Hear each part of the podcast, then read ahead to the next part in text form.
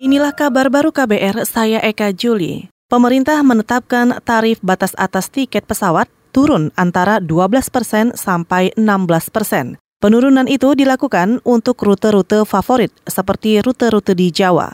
Penurunan juga dilakukan seperti rute ke Jayapura. Menteri Perhubungan Budi Karya Sumadi memastikan penerapan tarif batas atas tiket pesawat berlaku efektif sejak ditetapkan pada Rabu esok. Maka dengan memperhatikan dan menghitung APV daripada maskapai, terutama yang full service, maka sesuai dengan ketentuan dan undang-undang, Kementerian Perhubungan dapat mengambil keputusan untuk menentukan atas atas tarif.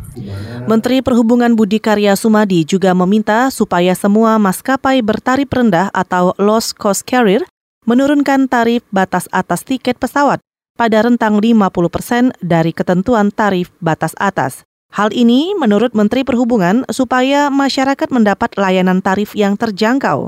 Kepada maskapai yang tidak mengikuti ketetapan tarif batas atas tiket pesawat, Kementerian Perhubungan siap memberi sanksi. Ketua Komnas HAM Ahmad Taufan Damanik mengatakan, saat mengembalikan berkas-berkas perkara kasus pelanggaran HAM berat masa lalu, Kejaksaan Agung sering meminta hal-hal yang justru di luar ranah Komnas HAM. Taufan menduga itu merupakan dalih Kejaksaan Agung untuk mempersulit melanjutkan status berkas perkara itu dari penyidikan ke penyelidikan. Mereka meminta hal-hal yang itu di luar dari uh, wewenang uh, Komnas HAM sebagai penyelidik. Uh, ada beberapa hal yang dimintakan. Yang itu kalau di, kalau mau dilakukan itu harus dengan penyitaan. Komnas HAM tidak memiliki wewenang untuk menyita kecuali kalau ada surat perintah dari Jaksa Agung kepada Komnas HAM.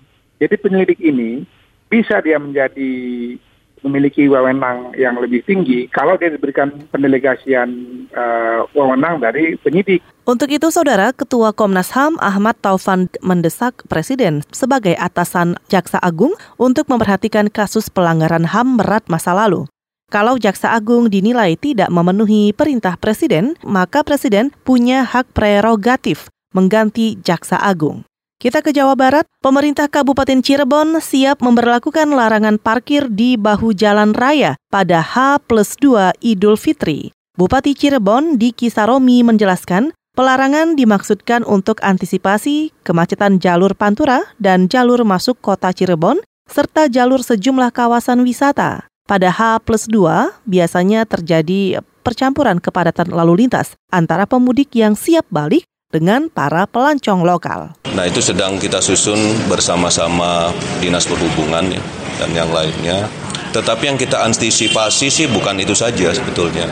Kita sudah sampaikan bahwa ada kemacetan-kemacetan yang signifikan di hari-hari kedua lebaran ya mungkin ya. Jadi hari setelah lebaran yaitu bercampurnya kegiatan dengan wisata. Bupati Cirebon, Jawa Barat, Diki Saromi juga menuturkan masih mencari lokasi kantong-kantong parkir kendaraan di seputaran kawasan wisata Batik Trusmi hingga sepanjang jalur Tufaref di batas kota.